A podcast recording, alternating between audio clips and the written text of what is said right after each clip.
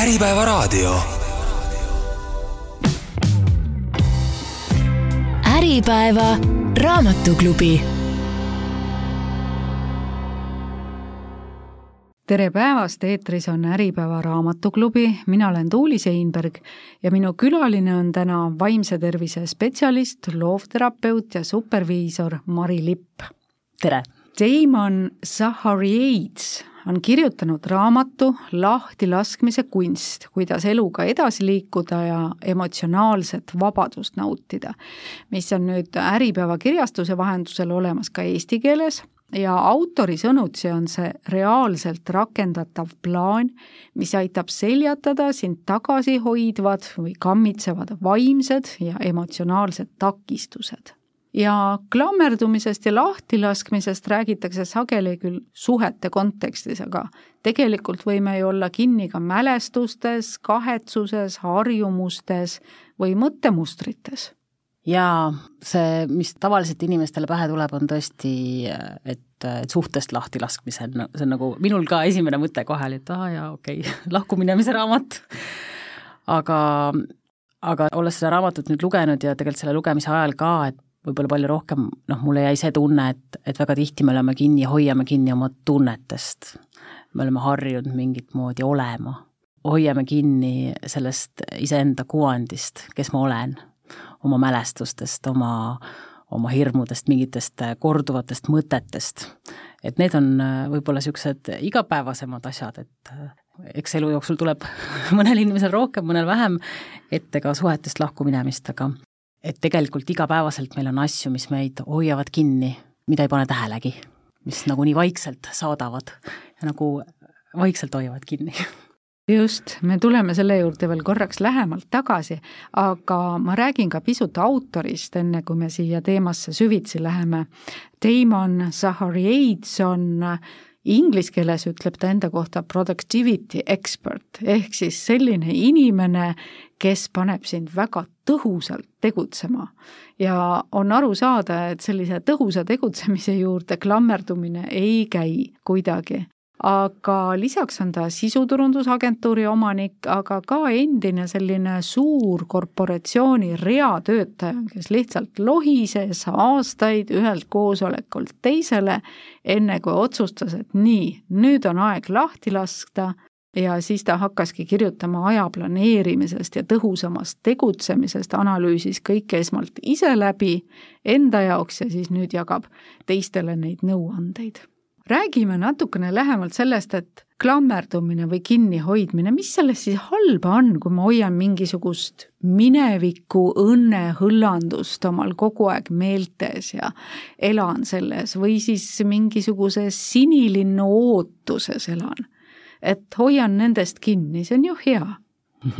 See võib olla hea, see tekitab hea tunde, hea mälestuse, hea on meenutada toredaid asju ja hea on unistada toredatest asjadest aga võib juhtuda, et nagu see halb asi selle juures on see, et siis sa ei ole kohal ja ei ole oma praeguses elus väga hea osaleja, et kui sa kogu aeg mõtled millegi peale, mis on möödunud või, või mõtled, unistad, et mis, mis on ees, et mõlemat pidi. Ja noh, sina tõid äh, mõlemal juhul nagu niisuguse hea näite, aga palju tavalisem on see, et inimesed on, on tegelikult äh, vabatahtlikult kinni väga halbades asjades, et nad ei, ei meenuta mitte ainult neid ilusaid ja toredaid mälestusi, vaid äh, vaid seda, mis kõik oli ja miks oli ja kuidas oli ja ketravad seda iga päev ja loovad sellest oma äh, praeguse kuvandi, praeguse elu, nende praegust elu mõjutab see nii palju, mis on olnud. ja siis on inimesi, kes äh, selle asemel, et olla kohal, nautida seda, mis on, või vaadata otsa nendele raskustele, mis praegu on, nad äh, lähevad oma mõtetes unistustesse, kuidas võiks olla või mida tahaks teha ja ja noh, ma ei ütle, et see nagu on nagu läbinisti halb et loomulikult noh, sellest ka ju palju räägitakse, et on vaja nagu unistada ja eesmärke seada ja et et sa teaksid, kuhu sa, kuhu sa teel oled või kuhu sa minna tahad. aga, aga nad mõlemad on äh, nagu noh, illusioonid või hoiavad sind ikkagi eemal sellest, kus sa tegelikult peaksid olema, mis on praegune hetk ja selles mõttes on klammerdumine ju halb, et kui sa oled äh, kuskil mujal kui praegu, siis äh, su ressurss läheb sinna. sa ei saa kasutada seda nendeks asjadeks, milleks praegu on vaja oma energiat kasutada. Sellepärast ei tasuks klammerduda ilmselt on küsimus siin ka proportsioonis, et kui tõepoolest eladagi selles tuleviku unistuses ilma, et praeguses hetkes midagi teeks selle saavutamiseks või sinnani jõudmiseks ja võib-olla luua endale selliseid väga ebarealistlikke unistusi, mis ongi ulmad pigem, mitte selline võimalik plaan mm. -hmm et äh, siis läheb ikka asi käest ära. jaa, ma ütleks, et see on põgenemine mm. -hmm, just, eskapism juba. et, et piir unistamise ja reaalsusest põgenemise vahel on, on õrn. nüüd, mis teeb selle lahtilaskmise raskeks, on erinevad takerdumispunktid, võiks öelda niimoodi, ja üks keerulisemaid aspekte, mis autor välja toob, on see, kui meie eneseidentiteet on seotud asjadega, mille külge me klammerdume, ehk me samastume iseenda ebaõnnestumistega, et siin oli ka raamatus üks näide, et inimene on kunagi näiteks asutanud ettevõtte, mis mingil põhjusel läks pankrotti, läks halvasti, ja nüüd enam ta midagi ette ei võta, sest ta arvab, ütleb endale, et ma olen halb ettevõtja. ta samastab end selle kehva kogemusega või noh, me kõik teame ka seda, et just nägin ka Facebooki sellist meemi, et naine on öösel kell kolm voodis istukil ja meenutab ühte halba sündmust või sellist käkki, mis ta kokku keeras viisteist aastat varem ja mm. ketrab seda enda peas, eks ole uh, -huh. selle asemel, et magada kuidas see selline identiteedi sidumine ebaõnnestumistega toimub, et see on ka vist selline üsna märkamatu protsess, et me ei, me ei äh, pruugi endale teadvustada, et oot-oot-oot-oot, nüüd seome selle kohe lahti endast, et siin oli see halb asi ja siin olen mina. ja ma arvan, et palju selles klammerdumises ja ka lahtilaskmisest on, on tegemist just selle teadvustamise või mitteteadvustamisega, et me ju keegi ei ela nagu kogu aeg nii teadlikult, et, et kõike, kõike märkad ja paned tähele, et ahah, et ma nüüd, nüüd olen ennast seostanud selle identiteediga või nüüd ma olen liiga kinni selles mälestuses või selles uskumuses iseenda kohta, et et see pigem toimub jah, märkamatult. Aga sa tõid nagu näite, et, et inimene on sidunud ennast niisuguse negatiivse kogemusega. tegelikult enne seda negatiivset kogemust, enne kui firma pankrotti läks, oli ju väga hea, et oli firma loond, et huvitav, et et see on nii, et inimene seob ennast äh, mitte sellega, et ma olen olnud edukas firmajuht ja ja tänu sellele mul on teatud oskused ja anded ja kogemused ja, ja võib juhtuda, et see aitab mul ka edaspidi edukaid firmasid luua et selle asemel ma võtan sellest äh, oma kogemuste pagasist ainult need, need halvad asjad ja seon ennast nendega. et, äh, et see on võib-olla see, see niisugune teadvustamise koht või et mida võiks, et võiks vaadata siis äh, oma, oma elu tervikuna, on ju, et mitte võtta ainult negatiivseid või ainult positiivseid kogemusi vaid et, et mõlemaid on. ja, ja sel juhul äh, võib-olla saab seda klammerdumist ka vältida, et ehk siis, et teisisõnu, et kui on toimunud klammerdumine või enda identiteedi sidumine mingisuguse äh, mälestusega, siis tundub, võib öelda, et äkki sel juhul me ei ole nagu tervikpilti näinud. ma olen nagu mingi, midagi liiga üle tähtsustanud. et kui ma olen firma juht, mu firma on pankrotti läinud, siis ma tähtsustan üle selle, et näed, ma ei saanud hakkama. ja see on nagu suurem asi kui see, et äh, mis sellele eelnes ja siin on jällegi see hästi oluline, see lahtilaskmise osa, et, et kui nüüd sinna sellesse, nagu autor ütleb, vale narratiivi kinni jääda, siis see blokibki ju ära kõik sinu edasised võimalused. et äh, sa jäädki sellesse lõksu ja samas teadvustamata sa ei saa tulla sellesse praegusesse hetke, et üldse alustada seda analüüsi, et oot-oot-oot, kus nüüd midagi valesti läks, et mis ma saaksin teha. et seda on siin raamatus hästi nagu selgitatud, et kuidas teha see stopp, kõigepealt see lõige, et nüüd ma seisan siin ja praegu ja vaatan, mis minuga toimub. jaa, just, just, see on nagu siin raamatus ja, ja üleüldse tänapäeval sellest ju palju-palju räägitakse, et noh, millest meiegi täna alustasime, et, et see siin ja praegu olek, et mitte minevikus või tulevikus olek, vaid kohalolek. et ma tulen oma hirmudest välja, ma tulen oma unistustest, fantaasiatest ja mineviku kogemustest korraks ja vaatan neid justkui nagu kõrvalt. ahah, et mul on see, see, see, see, okei okay., ja mis ma siis nüüd tahan või mille ma siis valin, et et ma tegelikult ei pea ennast ju siduma nende asjadega, need on kõik minu kogemused. aga tihtipeale muidugi me seda teeme, hirmul on väga suur jõud, mõnikord suurem jõud kui unistusel et siis ta meid ankurdab sinna mineviku külge.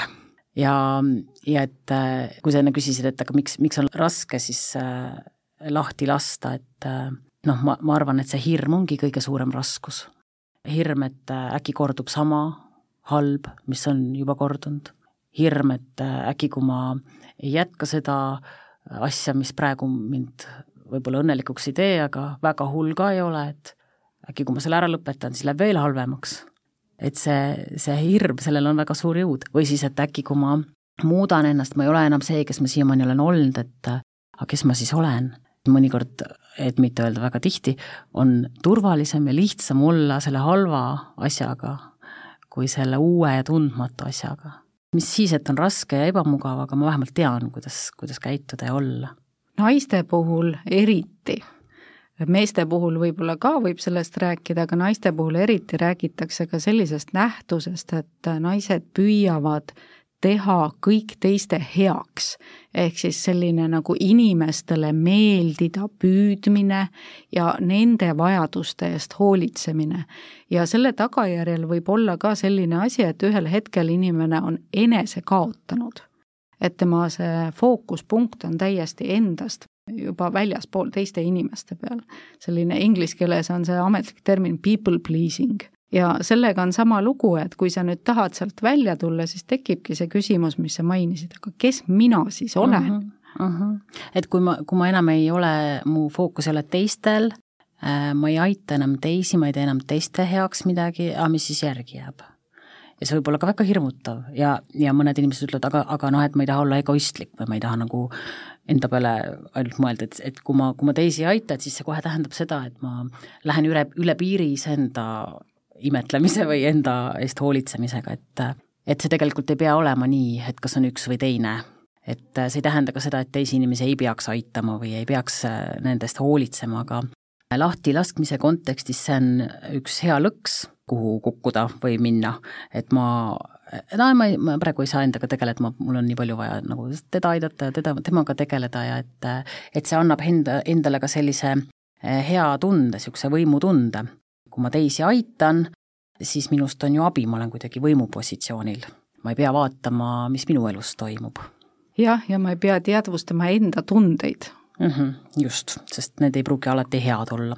aga teistpidi ma paraku ei liigu siis ka edasi olen, olengi siin lõksus ühe koha peal ja ja, ja see on ka selline, sellest on üks teine autor rääkinud, aga see on selline kolmnurk, et kui ma nüüd palju siin aitan teisi, no siis lõpuks tegelikult ma vajan ise abi.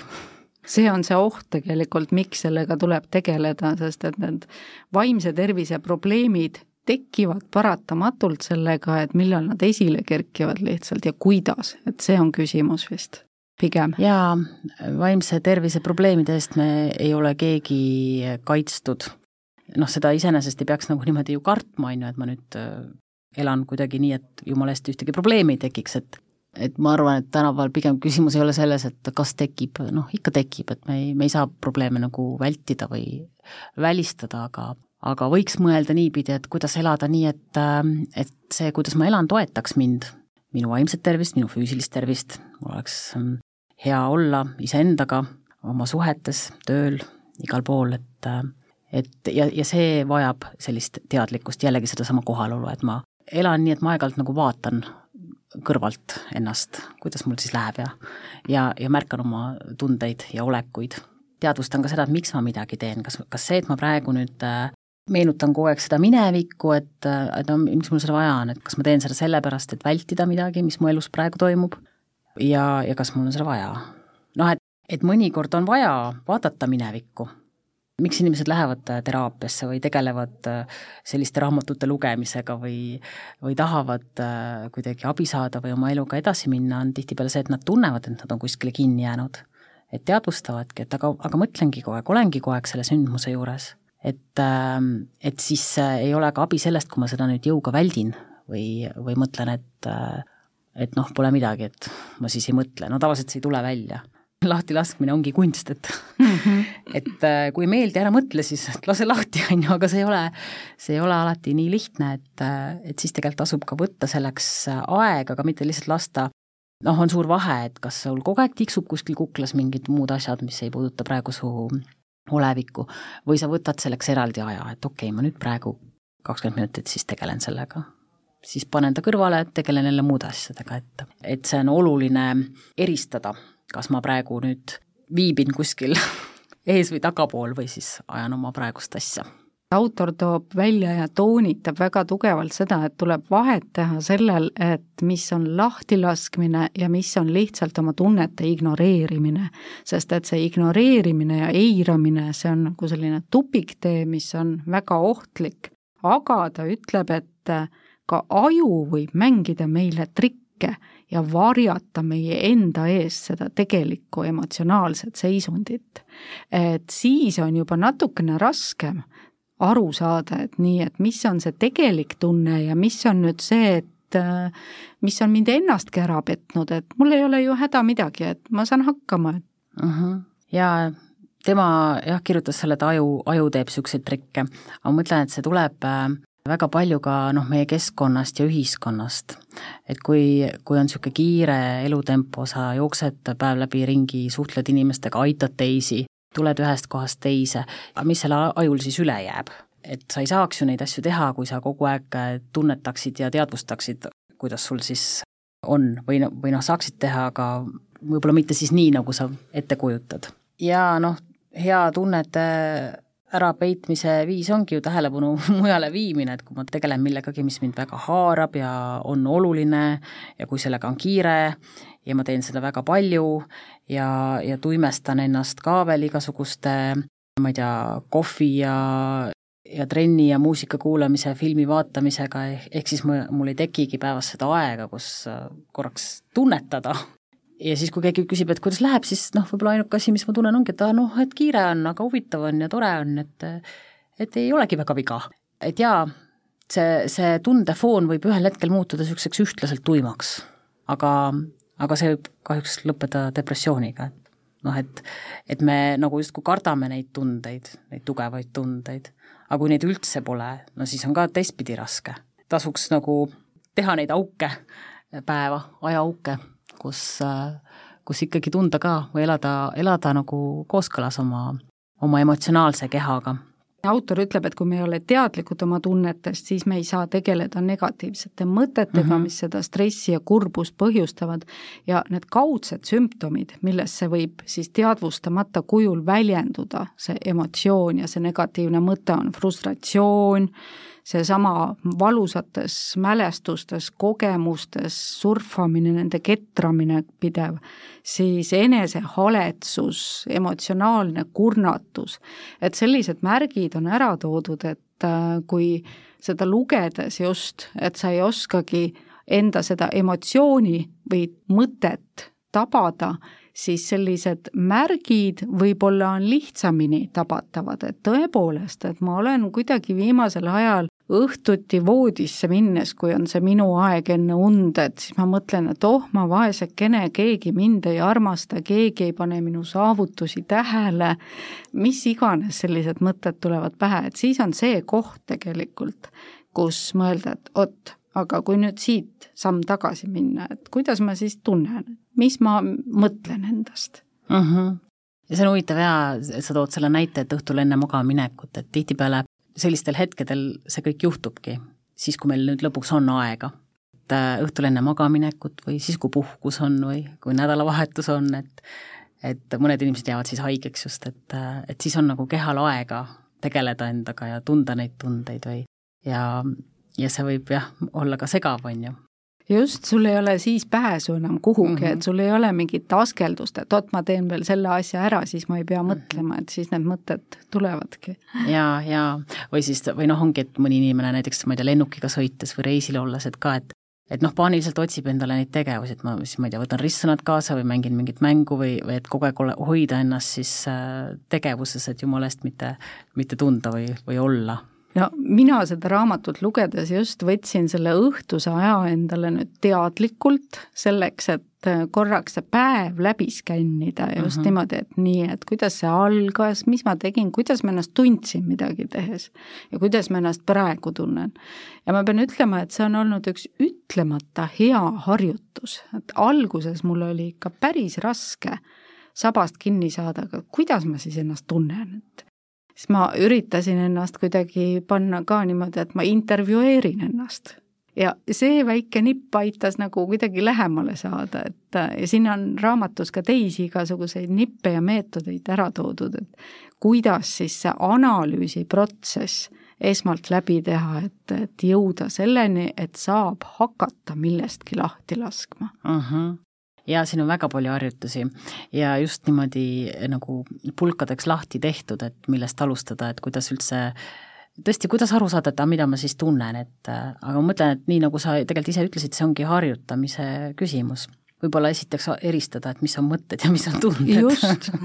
ja, ja mis on või noh, ongi võib-olla hea on alustada nagu kehast, et kuidas mu keha ennast tunneb, kuidas mu näiteks, kui ma keskendun oma sõrmedele või varvastele või või õlgadele, et need on ju kõik väga erinevad kohad ja see tunne nendes kohtades võib olla ka väga erinev ja kui sa oled niimoodi keha läbi skänninud, siis võib-olla järgmine etapp olekski, et okei okay,, aga mis mu emotsionaalne keha, et mis, mis seal toimub. ja kui ei ole harjunud seda tegema, siis see võib tundudagi kõik üks niisugune hall hägu, et no, no mingid, mingid tunded nagu on, on ju, või on olnud. aga siis, siis jällegi, kui tõesti mõelda oma, oma päeva sündmused, no mingid hetked ikkagi ju igal inimesel päevas on, mis tekitavad midagi, kas siis tugevat pahameelt või, või rõõmu või mingit heldimust või et, et neid märgata. noh, tänapäeval internetis on ka ju, on igasuguseid, on niisuguseid spikreid, et on tunnete loetelud, et kus sa saadki lugeda, et mis tunded on olemas üldse ja vaadata, et mis sind sealt siis kõnetab, et mida, mis tundeid sa ära tunned enda puhul. ja, ja kas on selliseid tundeid, mida tead üldse polegi tundnud või, või, või mida tunned vähe või väga väga harva. et, et niimoodi saab oma eh, tundlikkust tunnete suhtes eh, laiendada ja arendada. ja see on hea, et eh, kui sul see tundepalett on nagu laiem või avaram, et siis see võimaldab ka nagu siis neid reaktsioone laiendada, et, et kõik olukorrad, kus sa oled harjunud näiteks reageerima, ma ei tea, solvumisega, et võib juhtuda, et see solvumine ei ole ainult see üks variant, et neid võimalusi on veel.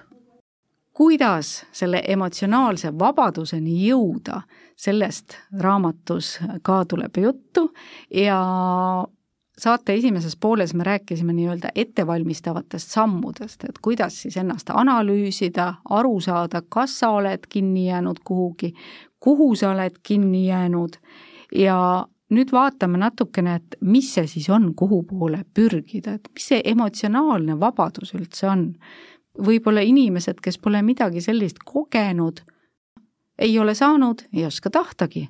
jaa, mina mõtlen, et emotsionaalne vabadus on nagu vabadus tunda erinevaid emotsioone, et ma ei pea nagu ühtegi neist kartma, ma ei pea ühtegi tänu sellele, et ma ei karda, siis ma ei pea teda ka kuskile ära panema, ma võin julgelt olla ja tunda kõike, mida elu pakub. ja, ja just see, jah, see vabadus, et sellega kaasneb ju siis teatav niisugune nagu ka, ka kergus, et kui ma olen vaba inimene, elan vabas riigis, siis ma ei ole kuskil kinni, keegi ei ütle mulle ette, et mida sa tohid ja mida sa ei tohi, mida sa pead ja mida sa ei pea, ma, vastutus on minul. ja emotsionaalne vabadus on siis äh, sama, et ma olen äh, esiteks äh, võimeline siis tundma erinevaid tundeid ja ma saan nende vahel niimoodi vabalt liigelda, ilma kuskile takerdumata, ei teki liiklusummikut või, ei, ei, ei lõhke rehv, et pean seisma jääma täitsa, et ähm, et see, et ma võin tunda kõike ja, ja ei pea midagi kuskile ära panema, see, ma arvan, annabki vabaduse ja see vabadus ise on juba hea tunne ja ilmselt ka see, et ma vastutan ise oma tunnete eest, ehk uh -huh. siis näiteks mina ei ütle sulle ega süüdista sind uh -huh. selles, et ma praegu näiteks ennast halvasti tunnen või, või midagi sellist, vaid et noh, ma saan aru, ma tunnen ennast halvasti, see on võib-olla sellest ja sellest ja sellest, aga see on minu tunne uh, -huh. mitte sinu tehtud Just. tunne. jaa, vabadusega vist kaasnebki see vastutus, on ju ja,. jah, jah, aga mm -hmm. emotsionaalse seisuga on seda tihtipeale nagu üsna raske seondada, et väga paljud igapäevastes suhetes, olgu see nagu peresuhted või töösuhted, kipuvad inimesed süüdistama ikkagi uh mhm. -huh. kedagi teist, et tema ütles mulle halvasti ja tema tegi seda ja aga sa ise ju uh mhm. -huh. nii ja sina ise naa, et uh mhm. -huh. see, kuidas mina teen, mul ei jää muud üle, kui reageerida aga, aga just see lahtilaskmine annab selle võimaluse, teha see paus enne reageerimist ja mõelda, et minu tunded, mis tunde see tekitas ja, ja kuidas ma tegelikult siis reageerin ja kas ma reageerin jaa, just esiteks, et äh, võtta see vastutus enda tunnete eest ja siis edasi minna. noh, on tundeid, milles tahaksin nagu olla ja natuke nautida seda, aga on neid, kus äh, ei pea olema, võib vabalt edasi liikuda, on ju. autor toob äh, välja siin sellise toreda hüve veel, mis kaasneb lahtilaskmisega, et inimese ka füüsiline tervis võib paraneda, vaimne tervis võib paraneda, suhted paranevad, tekib suurem julgus ja emotsionaalne sõltumatus ehk oskus leida rõõmu teiste seest. et kui me rääkisime just, et süüdistad enda halbades tunnetes kedagi teist, aga on ka teine pool, et inimesed ootavad, et rõõmu ja õnne tooks keegi teine mm. -hmm. et elukaaslane teeks õnnelikuks uh, mhm. -huh. tööandja teeks õnnelikuks. aga see, et ma teen iseennast õnnelikuks uh. Mhm. -huh. ja et see õnn on kuskil väljaspool alati. just ja et õnn on väljaspool ja, ja raskused on seespool aga et see emotsionaalne vabadus võib-olla siis äh, ongi, ongi see, et ma, jah, et ma ei ole nagu kuskil kinni, et ma voolan, võtan elu vastu nii murede kui rõõmudega, on ju, ja sa ütlesid enne nagu tõid mingi hea näite, et aa, et ma, ma süüdistan oma seisundit või oma olukorda, panen selle süü kellelegi teisele, et aga, ja et ise olen siis niisugune lükata-tõugata. et see oleks siis nagu selle emotsionaalse vabaduse vastand, et ma olen kogu aeg, kogu aeg keegi teine vastutab, kogu aeg kellestki teisest sõltun. et see on hästi halb tunne ju. et justkui ise ei saa mitte midagi teha ongi, et oh, ma vaeseke, mina ei saa mm -hmm. midagi teha, elu on selline elu raske on selline. ja ma olen kuidagi sattunud, vabandust väljenduse eest, jobude otsa uh. -huh. või elu hammasrataste vahele ja. või et mis need niisugused äh, äh, väljendid on, mis nagu justkui õigustaksid seda kinniolekut, et äh, miks on õigustatud see, et äh, ma ei, ma ei ole õnnelik või ma ei ela sellist elu, nagu ma tahan, et et keegi on süüdi nüüd me oleme selgeks saanud, et tuleb võtta see vastutus, tuleb võtta see julgus analüüsima hakata ja siis sealt edasi minna, et selle emotsionaalse vabaduseni jõuda.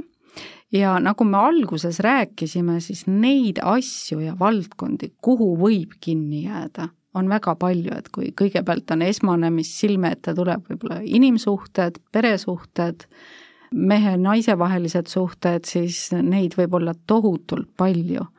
ja, ja autor on siin toonud, siin oli üle kahekümne kategooria, mis tasub üle käia ja vaadata, et kuidas siis nendes kategooriates sinuga lood on.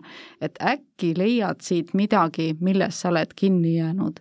ja iga kategooria juures on ka harjutus, et kuidas siis hakata niimoodi servast lahti urgitsema seda, seda olukorda ja ennast sealt välja päästma, ehk siis kõrvupidi välja tõstma ennast sellest mm -hmm. lõksust mm. -hmm.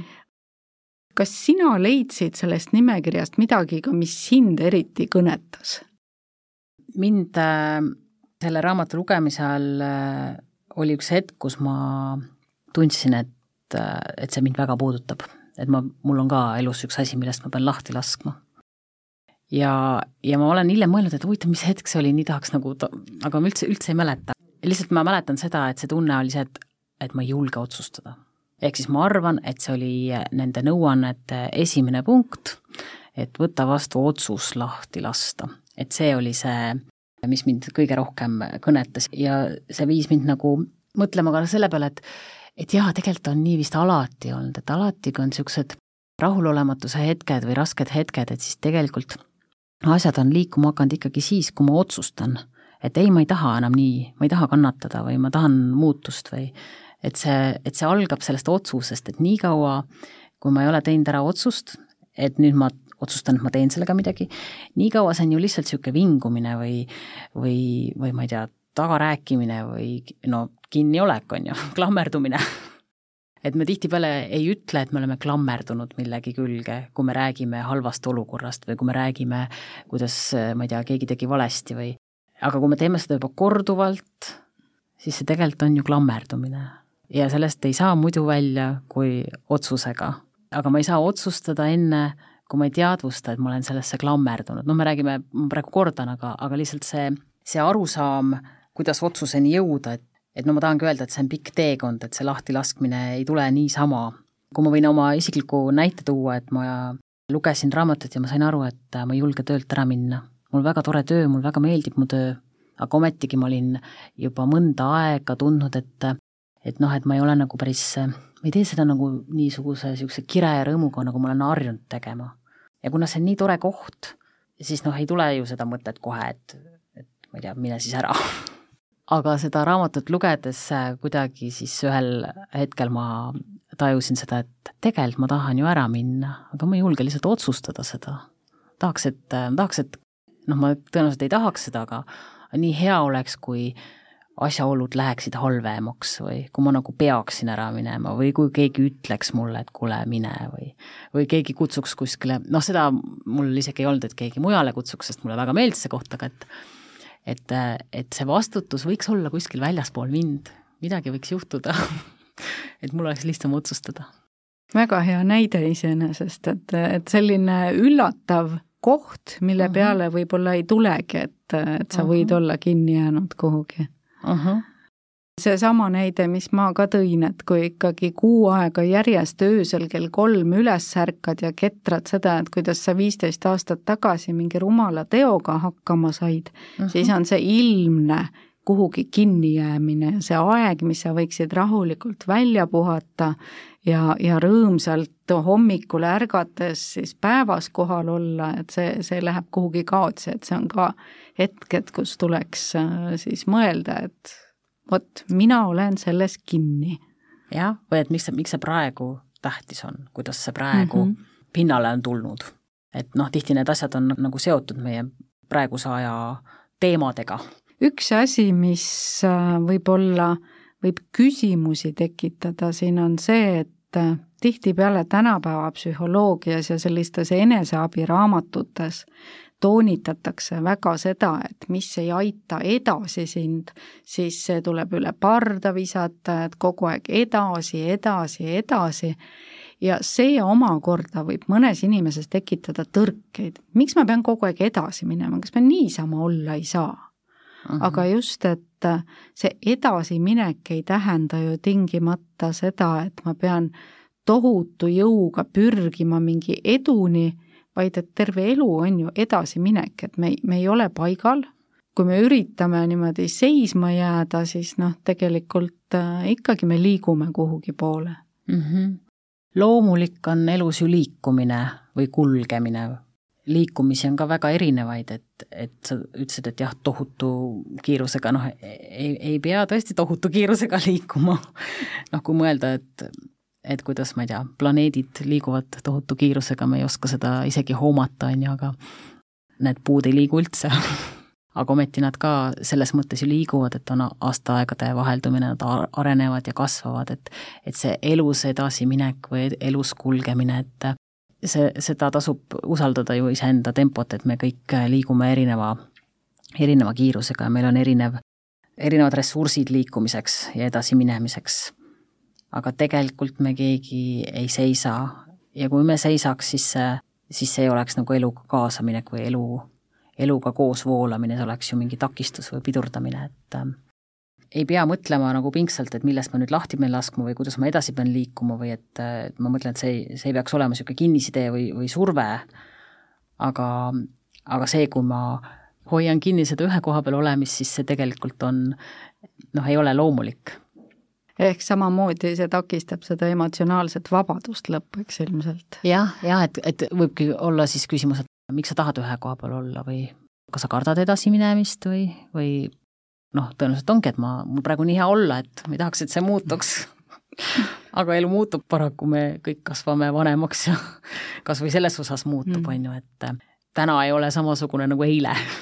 just üks nõuanne siin raamatus, nõuanne number kaheksateist oli selline, mis mind väga kõnetas ja see on lepi kontrolli puudumisega. Mm. et see on üks selline asi ja teema, mis võib üles tulla ja esile kerkida väga erinevates situatsioonides, et siin on toodud üks piltlik näide, et näiteks sa oled liiklusummikus, sa ei saa mitte midagi teha ja mis sa siis teed, sa vihastad, sa sõimad, reageerid üle, oled ärev näiteks ja tegelikult noh, see on olukord, kus tõepoolest, et sa pead leppima sellega, et oskaks me ainult vahet teha asjadel, mida me saame muuta ja nendel, mida me ei saa muuta, ja et meil oleks siis julgust neid asju muuta ka, mida me saame muuta, ja leppida nendega, mida me ei saa muuta.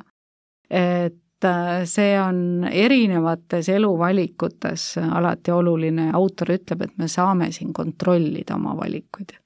ja siin oli ka väga lahe harjutus juures, ma enda jaoks võtsin selle selliseks pikemaks protsessiks lausa, et, et kuna tõepoolest ma tean, et see omadus on mul olemas, ma tahan kõike kontrollida ja see ilmnebki väga erinevates kohtades, et siis nagu teatud aja tagant jälle niimoodi üle käia, et oot-oot-oot, kuidas mul nüüd sellega on, kas nüüd on juba teadlikum see protsess ja kas ma olen millestki sellest suutnud lahti lasta. ehk siis noh, me ei saa võtta tõesti, nagu sa ka ütlesid, et nipsust, nii, nüüd mm -hmm. ma sain mhm. aru, sellega on probleem, lasin lahti ja lähen edasi mm. -hmm. ja see, see on protsess, see kindlasti ei ole, et õppisin ära, nüüd on selge. kas sinu jaoks oli siin ka mingi lemmikharjutus? selles raamatus, mida, mida sa nüüd äh, mõtled, et või juba teed? ma ise olen äh, muidu kogu aeg olnud niisugune päevikupidaja tüüpi inimene, et äh, siin need harjutused selles mõttes on hästi, hästi sedalaadi, et äh, et võta mingi teema ja ja mõtle selle peale ühtemoodi ja siis teistmoodi ja, ja kirjuta endale. ja ma mõtlen, et minu arust noh, see on suur väärtus, et, et ühest küljest need harjutused kõik on niisugused nagu noh, lihtsad või, või tundub isegi võib-olla nagu pinnapealsed, aga, aga harjutustega on see asi, et, et noh, nendest on kasu siis, kui neid teha et tegelikult, kui ette võtta, siis äh, väga lihtne asi võib anda väga suuri äh, tulemusi. ma arvan, et selle minu vastutuse võtmise juures äkki oligi number kuus harjutus, kus pidi üles kirjutama erinevad tunded, mis sul on, ja siis iga, iga tunde kohta leidma nagu oma päevast äh, mingi näite või et noh, et kuidas, kust see nagu tuli või kus sa seda kogesid ja mis selle tunde põhjustas, aga hästi konkreetselt. ja, ja siis see lõppes sellega, et sa kirjutad päevikusse lühikese kirja iseendale ja kirjas selgitad, et mis juhtus, milliseid tundeid see sinust tekitas. Ja see, ma mäletan, et see oli nagu hästi, no tegelikult see ongi väga sügav harjutus et, et see tekitab sellist nagu mõistmist ja empaatiat iseenda vastu. ja, ja see aitab omakorda lahti lasta siis sellest, et, et mis oli. Kes ostab raamatu, tasub osta ka kaustik sinna kõrvale ja, ja pliiats ja siis see õhtune muretsemise või heietamise või klammerdumise aeg enne und pühenduda siis analüüsimisele ja lahtilaskmisele teadlikult. ma usun, et siin enamik harjutusi ongi sellised viisteist minutit, mhm. kakskümmend -hmm. minutit, kümme minutit, et selle aja ikkagi leiab ja see sammhaaval pühendumine enda tunnete märkamisele viib sellele eesmärgile lähemale, kuni lõpuks ühel hetkel võib-olla saategi aru, ohoo, see ongi see emotsionaalne vabadus vist. Jaa, ma arvan, et isegi see ei ole võib-olla mõeldud nii, et sa pead nüüd kõik need kakskümmend üks harjutust või palju neid seal oli, ära tegema, et äh, muidugi võib teha, aga et, et nad kõik on kindlasti lahtilaskmist soodustava toimega, et äh, mõned harjutused on rohkem niisugused nagu inspireerivama eesmärgiga või sellise enda väärtuste juurde toomise mõttega ja ja paljud on just sellise vabastava ja teadlikkust suurendava eesmärgiga. Mulle jäi küll see tunne, et et no ükskõik milline võta, et iga, iga harjutuse tegemisest võib olla siin abi just, et leia see, mis sind kõnetab sel ajahetkel, hoia seda raamatut käepärast ja, ja siis mine sammhaaval edasi. kellele ja mis olukordades sa soovitaks siis lahtilaskmise kunsti? no üldiselt võib öelda, et minu arust on see väga nagu lihtne raamat, et ta, siin ei ole nagu midagi keerulist ja teaduslikku. ja ühest küljest see on nagu pluss, on ju, aga teisest küljest see võib olla see võib tekitada lugejas ka sellist teatavat kärsitust või, või et noh, et, et mis ma siit nüüd saan või, või noh, et et kus see point on või millal ma juba, millal ma juba lahenduse saan. sest see raamat on vist jaotatud kolmeks osaks, on ju, et mm -hmm et see nõuandeid, kuidas siis lahti lasta, lahtilaskmine toimub alles kolmandas osas, et ta väga äh, pikalt selgitab ka neid põhjuseid ju, et äh, miks lahti lasta ja mis selles, äh, mis selle plussid on ja, ja mis need raskused on ja, ja mis need asjad on, millest lahti lasta, ehk siis seda, seda eeltööd on hästi palju noh, ma kujutan ette, et kui sul on nagu päriselt nagu niisugune probleem, mingi asi, millest lahti lasta, siis tegelikult noh, sa saad seda raamatut lugeda ilmselt ka nii, et sa loedki neid peatükke, mis kuidagi selle sinu teemaga haakuvad, sest sisu korrast näeb neid, neid valdkondi ju ilusti ette. ja, ja teha neid harjutusi siis järjest noh, mina lugesin seda sellises olekus, kus ma ei, ei teadvustanud veel, et mul on vaja millestki lahti lasta. et, et ta hästi nagu viib sellele lainele küll et ta kindlasti sobib inimesele, kellele ongi harjumuspärane iseendas kaevata ja ja uurida oma erinevaid tahke, et, et seda ta väga soodustab ja paneb kindlasti kaasa mõtlema ja nagu minugi puhul, et äh, tõenäoliselt võid leida sealt äh, asju, mida sa ei tea, et milles sa kinni oled. ja siis on sul õnneks ka tööriistad, kuidas siis tegeleda ja, ja lahti lasta nendest asjadest aitäh saatesse tulemast, Mari Lipp, see oli Äripäeva raamatuklubi ja raamatu lahtilaskmise kunst leiate soodsama hinnaga Äripäeva e-poest aadressil pood.aripäev.ee. ja lõpetuseks autorisoovitus, võta kätte lahtilaskmise kunst iga kord, kui tunned viha, masendust või oled elu käest sakutada saanud. aitäh kuulamast ja head lahtilaskmist!